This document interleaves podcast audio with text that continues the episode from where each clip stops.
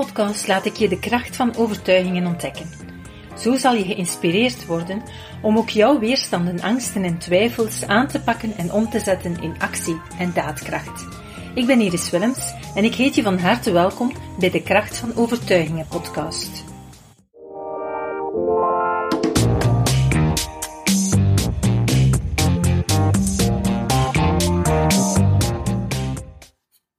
Welkom. Vandaag in deze podcast ga ik uh, een concrete situatie bespreken die iemand mij toegestuurd heeft. En het gaat vooral over het gevoel om er niet bij te horen op het werk en een stukje, ja, misschien uitgelachen te worden en zo, uitgestoten te worden. Een gevoel dat sommige mensen wel hebben, vaak, ja, heel wat mensen hebben vaak het gevoel van ik hoor er niet bij of um, ze appreciëren mijn inbreng niet enzovoort. Nu, ik ga eerst even starten met de concrete situatie die mij toegestuurd werd. En op basis daarvan zal ik dan eigenlijk verschillende overtuigingen gaan toelichten waar je zou kunnen aan werken. Dus uh, de persoon die me de situatie toestuurde schrijft um, dus dat hetgene waar zij inzicht wil in krijgen um, is dat ik op het werk ineens in paniek kan geraken of slecht functioneer, me uitgelachen en uitgestoten voel door het onbewust, want ze schrijft rationeel begrijp ik er niets van. En dus het is iets onbewust interpreteren van bepaalde gedragingen van collega's. Dit vergt veel energie en geeft als gevolg nog meer negatieve gedachten. Met als gevolg dat het voelt als een zwaard van Damocles dat boven mijn hoofd hangt, dat op elk moment mij het geluk zal worden ontnomen. Dus waarvan dat zij, veronderstel ik ook, dus eigenlijk gaat denken van, ik ga mijn job verliezen, ze gaan mij niet meer willen, ik ga uh, ja, ontslaan worden. Um, heel veel mensen zitten met een dergelijk gevoel. Hebben het gevoel als ze ideeën uiten, als ze hun mening uiten of als ze een inbreng doen in een vergadering, dat hun inbreng eigenlijk niet wordt geapprecieerd. En heel vaak gaan we onze eigen focus dan ook richten op anderen die wel geapprecieerd worden. Bijvoorbeeld, je zit in een meeting en um, je doet een, een inbreng, je, je vertelt iets van hoe dat jij het ziet. Iemand anders vertelt ook iets hoe hij het ziet. En op die andere wordt er gereageerd op een, op een positieve manier of wordt er op een aanvullende manier gereageerd. Of iemand zegt, ja, ik kan jouw mening delen. Of ja, ik zie het ook zo, zoals jij. Maar dan zegt hij dat tegen de ander natuurlijk. En op het moment dat mensen zulke uitspraken gaan doen, en dan niet tegen jou hebben gezegd toen jij je inbreng deed, dan, dan ga je dat heel vaak gaan interpreteren als, oei, bij die ander zijn ze akkoord en bij mij zijn ze niet akkoord, want ze hebben er niet direct iets op gezegd. Ten eerste, het kan inderdaad zijn dat iemand akkoord is met een mening van één iemand en niet met die van jou. En dat is ook logisch, want je kan niet willen dat iedereen jouw mening deelt. Dus dat is een van de belangrijke elementen om te gaan beseffen van, ik mag een andere mening hebben en ik mag die mening uiten. En als mensen zich daar niet kunnen in vinden of er niet achter staan, dan is dat eigenlijk ook hun goed recht. Hè? Jij gaat ook niet ieders mening zomaar aanvaarden. Je hebt ook het recht om een andere mening te hebben. En dan ga je toch ook niet zeggen, als iemand anders iets, iets vertelt, dat je gaat zeggen van, ja, ik deel uw mening. Als dat niet zo is. Dus het is eigenlijk normaal dat niet iedereen jouw mening deelt, of dat bij bepaalde uitspraken, dat je niet de rest van je collega's achter je krijgt. Um, maar dat wil niet zeggen dat ze jou niet appreciëren, of dat ze het feit dat je een inbreng doet niet appreciëren. Alleen op dat moment, met die inhoud, staan ze daar niet achter. En wij gaan dat heel vaak gaan verdraaien en vertalen naar het gevoel van ze moeten mij niet hebben. Ze appreciëren mij als persoon niet. En dat is totaal fout. Um, die interpretatie, dan moet je beseffen dat dat een interpretatie is. En dat komt natuurlijk opnieuw terug vanuit ja, het verleden. Wat heb je al meegemaakt? En meestal vanuit jouw kindertijd. Hoe werd er toen omgegaan met het feit dat jij je mening uitte. Als jij je, uh, je mening niet mocht uiten tegen je ouders, um, en daar werd op een negatieve manier mee omgegaan, of dat werd helemaal genegeerd, daar werd niet op gereageerd, of dat werd uitgelachen, of dat werd geminimaliseerd, of wat dan ook, dan is dat hetgene waar dat je nu op reageert. Niet zozeer op de reactie van je collega, maar op wat je toen als kind hebt gevoeld. En zoals je ondertussen wellicht al weet vanuit vorige podcasts, ons brein ja, werkt met koppelingen, neurologische koppelingen en associaties. En iets in het heden wordt ja, in je brein meteen geconnecteerd met heel veel situaties uit het verleden. En die halen die emoties naar boven. En daardoor ga je nu, de dag van vandaag, reageren en interpreteren zoals dat je het vroeger als kind hebt beleefd. Als je daar niet bij stilstaat, dan blijf je dat gewoon herhalen. En dan wordt dat gewoon maar erger en erger. Als je daar wel bij stilstaat, en hopelijk doe je dat naar aanleiding van deze podcast, dan, um, dan kan je gaan beseffen dat het jouw interpretatie is van die situatie. En als je wil, kan je dan ook verder aan jezelf gaan werken door het leren veranderen van je overtuigingen. Want als je je overtuigingen gaat veranderen, dan ga je ook merken dat je de reacties van je collega's anders gaat interpreteren, anders gaat aanvoelen, de emoties en de reacties van jezelf gaan veranderen. En als jouw emoties en reacties veranderen, dan ga je ook opnieuw weer andere reacties bij je collega's teweeg brengen. Dus vandaar, um, je hoeft niet te wachten tot wanneer een ander verandert. Je moet vooral beginnen bij jezelf en jouw gevoeligheden zelf gaan aanpakken.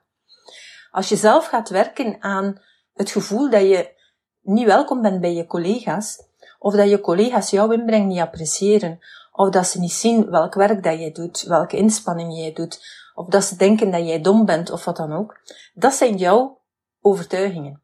En die overtuigingen die gaan jou, jouw bril kleuren, die maken dat jij in de werkelijkheid filtert wat je ziet. En zo bewijs je altijd wat je zelf gelooft. Um, de vraag is dus alleen, ja, wat wil je, wat wil je dat er gebeurt en wat wil je gaan geloven? Wil je telkens opnieuw het negatieve gaan geloven en denken dat niemand jou wil en dat ze jou belachelijk vinden? Of wil je dat je gaat geloven dat ze jou eigenlijk wel appreciëren, maar alleen die ene uitspraak misschien minder interessant vonden. En dat ze wel openstaan voor jouw mening. Na gelang wat jij gaat geloven en wat in jouw overtuigingensysteem komt, zal je ook merken dat de reacties van je collega's gaan veranderen. Dus je kan niet verwachten dat je collega's je anders gaan gedragen als jij je altijd op dezelfde manier blijft instellen en blijft dezelfde interpretaties doen. Dan krijg je geen mogelijkheid tot verandering. Vandaar een aantal overtuigingen die je kunnen helpen om daaraan te werken. Een eerste overtuiging die je zou kunnen gaan inprenten is gewoon al het feit van ik ben welkom bij mijn collega's. Pas als je zelf ervan overtuigd bent dat je daar welkom bent tussen die collega's, dan ga je je ook welkom kunnen voelen. Of het nu collega's of vrienden of um, partner of wie dan ook is, eigenlijk geldt dat voor iedereen. Als jij denkt dat je niet welkom bent, dan ga je op zo'n manier kijken naar reacties, naar de blik van iemand, naar een uitspraak van iemand, naar een, een glimlach van iemand en je gaat die gaan interpreteren op jouw manier, die past bij jouw overtuiging. Dus als je je niet welkom voelt, dan loop je ergens tussen mensen en als ze beginnen lachen, dan denk je dat het over jou gaat. Terwijl het misschien helemaal niet over jou gaat. Dus ik ben welkom bij mijn collega's in dit specifieke geval, is een heel belangrijke om te gaan inprenten. Maar niet voldoende. Hè. Er zijn veel meer overtuigingen die daarachter zitten. Een andere overtuiging die je kan helpen is ook bijvoorbeeld, ik ben gelijkwaardig aan mijn collega's. Want als jij zelf je minderwaardig voelt en denkt, zij weten alles beter dan ik, ik ben niet intelligent genoeg, um, mijn diploma is lager dan dat van hen, um, ik ben jonger dan hen, dus zij gaan denken dat ik het nog niet weet en dergelijke. Dan ga je ook hier weer je eigen potentieel gaan blokkeren. En ten tweede, alles wat ze zeggen, doen of reageren um, of, of een grapje maken, ga je altijd gaan interpreteren op een negatieve manier en ga je dus effectief zelf jezelf minderwaardig gaan voelen. En denken dat zij jou minderwaardig zien. Dus zorg ervoor dat je gaat werken aan het feit dat je erin gaat geloven, door in jouw onderbewustzijn die overtuiging te gaan installeren, ik ben gelijkwaardig. Je kan niet gelijkwaardig behandeld worden als je jezelf niet gelijkwaardig voelt, omdat je het gewoon niet toelaat. Onbewust. Een andere overtuiging die je kan helpen is, ik relativeer de grappen en de opmerkingen van mijn collega's. Opnieuw, als jij het gevoel hebt dat ze op jou neerkijken, of dat ze jou te dom vinden of wat dan ook, dan gaan ze, ga je elk grapje die ze maken, als je je een keer mispreekt bijvoorbeeld, en ze, beginnen erover te lachen of ze maken er een grapje rond, dan gaat dat heel erg pijn doen. En ga je het gevoel hebben van, zie je, ze lachen me hieruit, ze maken mij met de grond gelijk. Terwijl dat dat eigenlijk waarschijnlijk een ervaring is, als kind opnieuw, waarbij je uitgelachen werd, waarbij dat je bijvoorbeeld misschien ook gepest bent geweest en dat er misschien ooit iemand tegen jou gezegd heeft, je bent een dommerik. Of dat er om andere redenen met jou werd gelachen, of dat jouw broers of zussen um, op een of andere manier jou een slecht gevoel hebben gegeven en jou belachelijk probeerden te maken, om, om zichzelf beter te voelen. Die emoties van vroeger worden dan getriggerd en je neemt het heel persoonlijk. Terwijl, geloof me, in 95% van de gevallen maken mensen grappen om de grappen en niet om jou te kleineren of te pijnigen. Men staat daar veel minder bij stil dan jijzelf. Men, en je kan dat soms zeggen mensen dat, maar ja, men, staat niet stil dat, wat dat, dat bij mij doet. Maar men kan dat ook niet, omdat men jouw bagage niet heeft. Jij hebt die zak met triggers van vroeger die je meedraagt, en die ander misschien niet. Het is maar iemand die in dezelfde schoenen van jou gestaan heeft, die diezelfde triggers heeft en die er wel attent voor zal zijn om dergelijke grappen niet te maken. Maar als je zelf die gevoeligheid niet hebt, dan voelt dat ook helemaal niet aan als iets pijnlijk of iets uh, confronterend of iets affronterend. Het is maar als je zelf die gevoeligheid hebt dat je beseft dat dat, ja, pijnlijk of affronterend ja, kan zijn. Dus ga beseffen dat mensen dat in de meeste gevallen niet doen om jou te kwetsen. En zeker als je het gevoel hebt dat dat bij heel veel mensen gebeurt, of dat er redelijk wat mensen in jouw omgeving zijn die dat doen, um, dan mag je er zeker van zijn dat het jouw gevoeligheid is, dat jij er niet mee om kan. Je gaat je er dan ook natuurlijk op focussen, want bij alles wat die zeggen, ga je ook denken dat het over jou gaat. Of dat ze over jou aan het grappen maken zijn. Of over jou aan het lachen zijn. Terwijl dat ze misschien helemaal niet over jou bezig zijn. Maar jij interpreteert het zo. Heel jammer, want we denken vaak dat mensen veel meer over ons bezig zijn dan dat ze in werkelijkheid over ons bezig zijn. Zo belangrijk zijn we dan ook weer niet. Hè? Dus um, relativeer en ga vooral niet gaan interpreteren. Zolang als je niet weet waarover dat iemand lacht, weet je ook niet of het over jou gaat of niet. En dan nog, als het over jou gaat, dan is dat niet zo erg. Dan is dat uh, ook helemaal niet bedoeld om jou helemaal onderuit te halen of om jou uh, te laten voelen van we hebben jou niet graag. Nee, het is iets waar dan mensen dan even op dat moment een uitlaatklep nodig hebben. En laat dat passeren. Een andere overtuiging die jou kan helpen is, ik aanvaard dat ik fouten maak en dat is oké.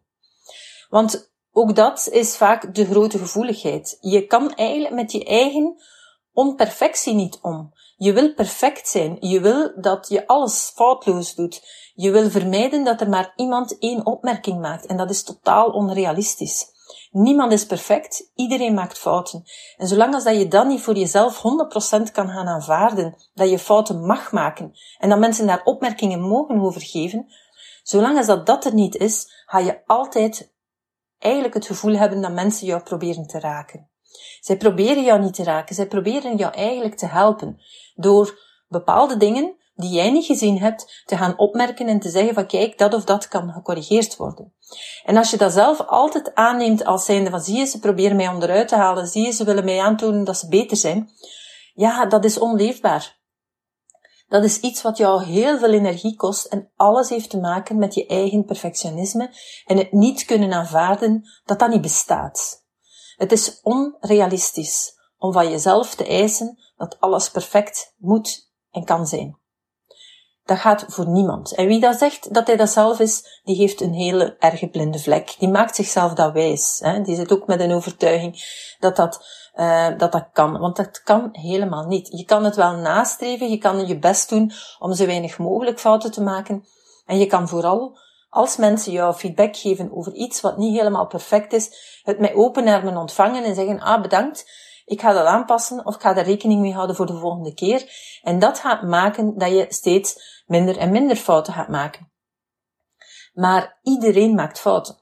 En als jij interpreteert dat wanneer iemand je wijst op een fout, dat dat de een poging is van die ander om je onderuit te halen, wel, dan geef jij die persoon die kracht om je onderuit te halen. Jij bepaalt zelf welk effect een opmerking heeft op jou. Als je dat zelf relativeert, openlijk bedankt en zegt, ah, dat is goed dat je het mij gezegd hebt, ik ga dat aanpassen, dan gaat dat ten eerste helemaal anders overkomen als het al de intentie zou zijn van iemand om je onderuit te halen, dan gaat hij voelen dat het niet lukt en gaat hij er ook mee gaan stoppen na een tijdje, als jij het ook volhoudt. Um, maar in de meeste gevallen is het hun intentie niet om je onderuit te halen en gaan ze het gewoon tof vinden dat jij open staat voor kritiek of voor je fouten en gaan ze jou ervaren als iemand die constructief is, die meehelpt om te groeien en die, die zelfreflectie toestaat, die ja, een mooie persoonlijkheid heeft, omdat je eigenlijk jezelf ook in vraag stelt en je niet wil beter voordoen dan dat je eigenlijk bent. Um, men gaat jou niet ontslaan als je, natuurlijk, ja, als je constant fouten maakt, is weer iets anders. En dan zit je ofwel op een verkeerde job, ofwel zit je mateloos in de stress en dan moet je daar gaan aan werken.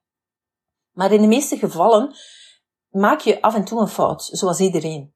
En als je die kan onder ogen zien en kan gaan accepteren en hopelijk kan gaan zeggen, oké, okay, ah, super, dank u wel. Ik apprecieer het dat je die, die feedback geeft. Ik ga dat aanpassen. Het is mij ontgaan. Of om welke reden ook, hoef je niet altijd te verdedigen. Uh, dat je het gewoon dankbaar maakt. En dan gaan mensen jou uh, heel anders ervaren. Als je feedback krijgt en je gaat elke keer opnieuw excuses gaan zoeken, van, ja, maar het is mijn fout niet, ja, maar ik kon er niet aan doen, ja, maar het is de verdienen, ja, maar die heeft dat te laat gedeeld, ja, maar dat, dan voelt het heel erg aan als zijnde van, die kan niet om mijn feedback. En dat is bij heel veel mensen zo. Omdat ze dus voelen, um, van ja, ik kan daar niet, ik wil perfect zijn en ik wil aantonen dat ik zelf perfect ben. Maar je hoeft niet perfect te zijn. Aanvaarden dat dingen niet altijd helemaal goed lopen, is een heel prachtige en mooie kwaliteit van iemand. Um, dus leer zelf met jouw fouten om te gaan. Je kan maar fouten van een ander accepteren of je kan maar aanvaarden dat mensen jou wijzen op je fouten. Als je zelf aanvaardt dat je die fouten maakt en dat dat niet erg is, dat je die dan kan gaan corrigeren en dat je er ook elke dag meer en meer uit leert en beter en beter door wordt. Dus werk vooral aan jouw gevoeligheid voor het feit dat je perfect moest zijn. Dus ik aanvaard dat ik fouten maak en dat is oké. Ik had onlangs in een, uh, in een training die ik gaf, ik had dan uh, de opnames van de sessies um, in het platform gezet, waar de cursisten dan aankonden. En ik had er ook de PowerPoint bij gezet. Het was een, een training uit meerdere sessies. En op een bepaald moment had ik de PowerPoint, uh, het stukje van die ene sessie, moeten online zetten. Maar ik had bij het opslaan, bij het uh, bewaren als pdf, had ik eigenlijk in plaats van mijn selectie, had ik mijn totale pdf, um, mijn totale PowerPoint eigenlijk in pdf gezet. Waardoor dat er meer dan 200 slides in stonden. En het was ook op het moment dat de training nog niet volledig af was. Dus ik was eigenlijk in die PowerPoint nog aan het werken aan mijn volgende slides. Dus eigenlijk, die volgende slides waren ook nog niet helemaal correct en zelfs nog niet helemaal goed van opmaak. Dus die PowerPoint, die had ik dus in pdf gezet, ik had die geüpload. En een van de cursisten liet me weten per mail van, um, ik denk dat je een, een foutje hebt gemaakt, want de pdf die erop staat, die omvat eigenlijk al uw slides, meer dan 200 slides. Ik denk dat het eerder de bedoeling zou geweest zijn van enkel de slides van die sessie. En ik heb die persoon ook effectief bedankt. Hij zegt van, ah, tof dat je het mij laat weten. Uh, want ja, inderdaad, er stonden eigenlijk slides op die er niet bij horen van de vorige keer en van de volgende sessies, die zelfs nog niet af zijn. En ik heb die meteen aangepast en toegevoegd. En dus effectief ook bedankt om mij die feedback te geven.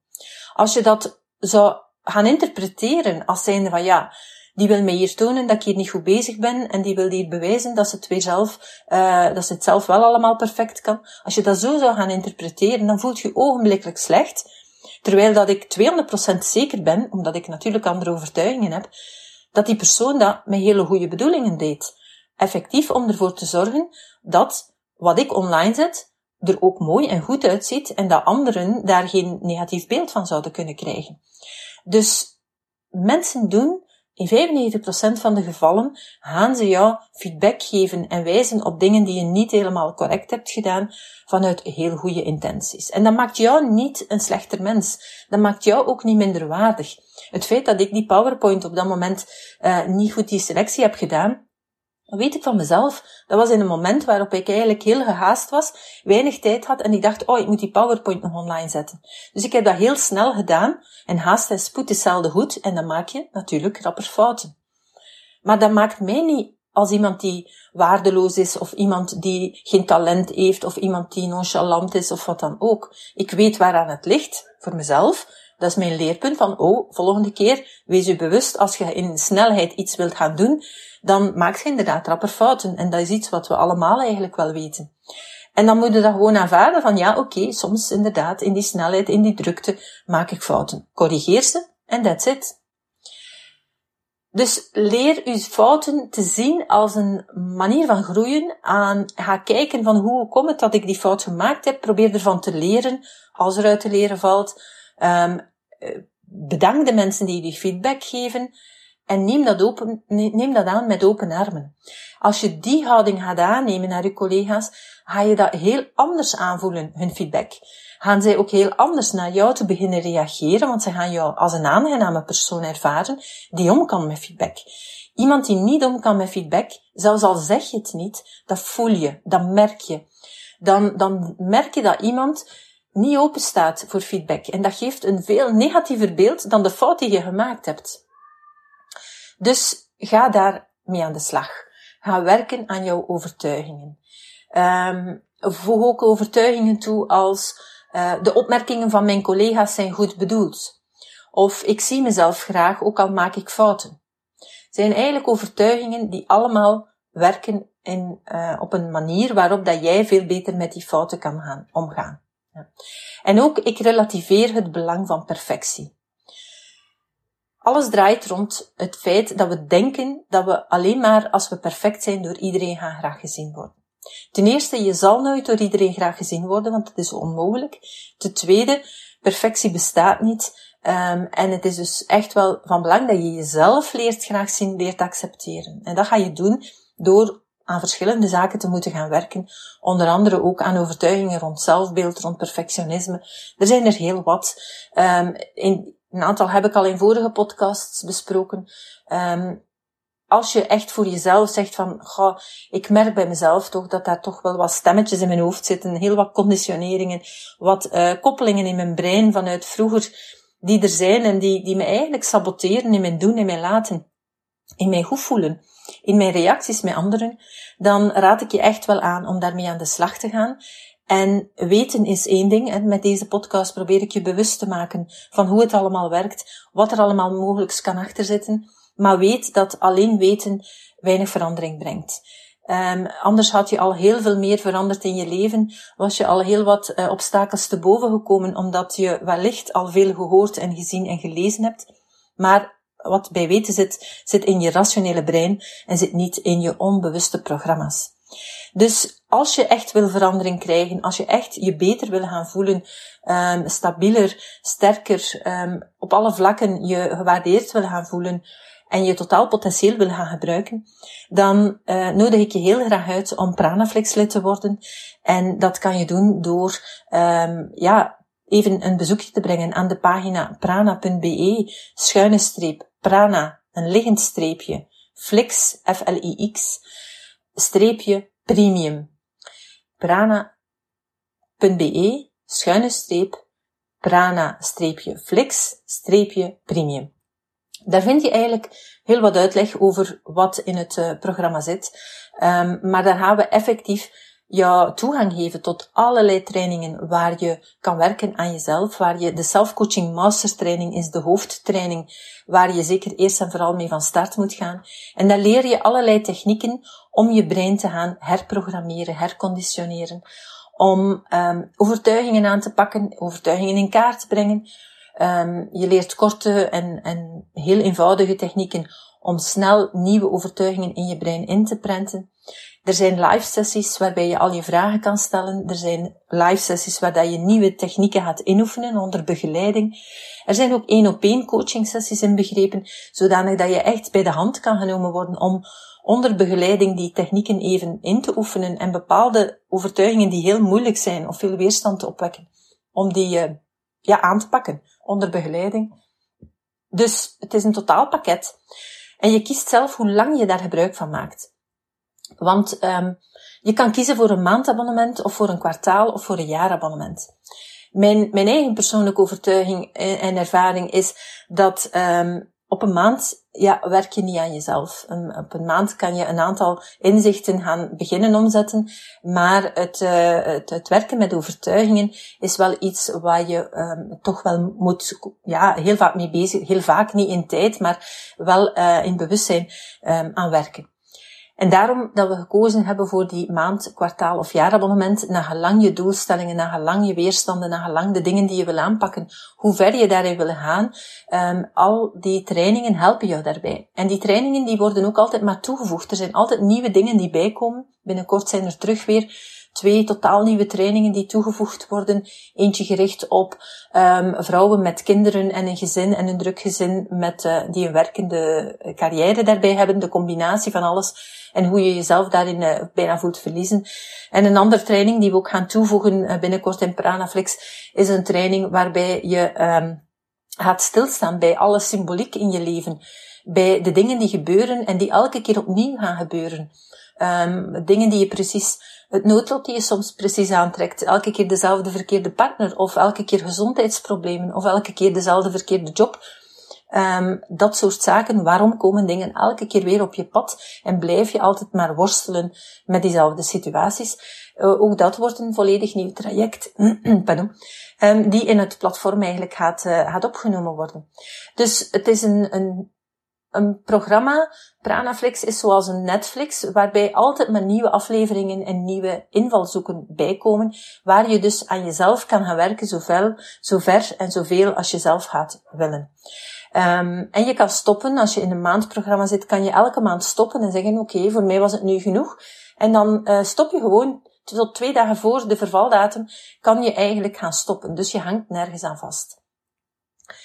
Als je aangesproken bent door het werken aan je overtuigingen, maar ook door het werken aan jezelf, aan je stress, je leven in eigen handen willen gaan nemen en dergelijke, ga dan zeker een bezoek brengen aan die pagina prana.be schuine streep prana liggend streepje flix streepje premium. Tot in de volgende podcast. Super tof dat je hebt geluisterd naar de Prana Mental Excellence podcast. Ik hoop dat je het waardevol vond en dat je er inzichten uit hebt kunnen halen voor jezelf en voor je eigen business. Vond je het een waardevolle podcast, dan zouden we het heel erg waarderen als je dit zou willen delen. Enerzijds door dit te delen via je eigen Instagram of LinkedIn. Maar wat we nog meer zouden waarderen als je tijd en moeite zou willen nemen om ons een review achter te laten. Werk je met een Apple-telefoon, dan kan je dat doen binnen je eigen podcast-app door daar een review te geven. Geef ons een x aantal sterren met daarbij een korte motivatie wat je van onze podcast vindt. En werk je met een Android-telefoon, dan zie je dat de meeste apps geen review-mogelijkheid hebben. Wat we dan heel erg zouden waarderen, is als je op Google Prana Mental Excellence zou willen intypen en vervolgens via de Google Review sectie iets zou willen vertellen over Prana, wat je van ons vindt en wat je aan onze podcast hebt gehad. Alvast heel erg bedankt. Ik hoop dat je er volgende week weer bij bent bij onze volgende aflevering van de Kracht van Overtuigingen podcast.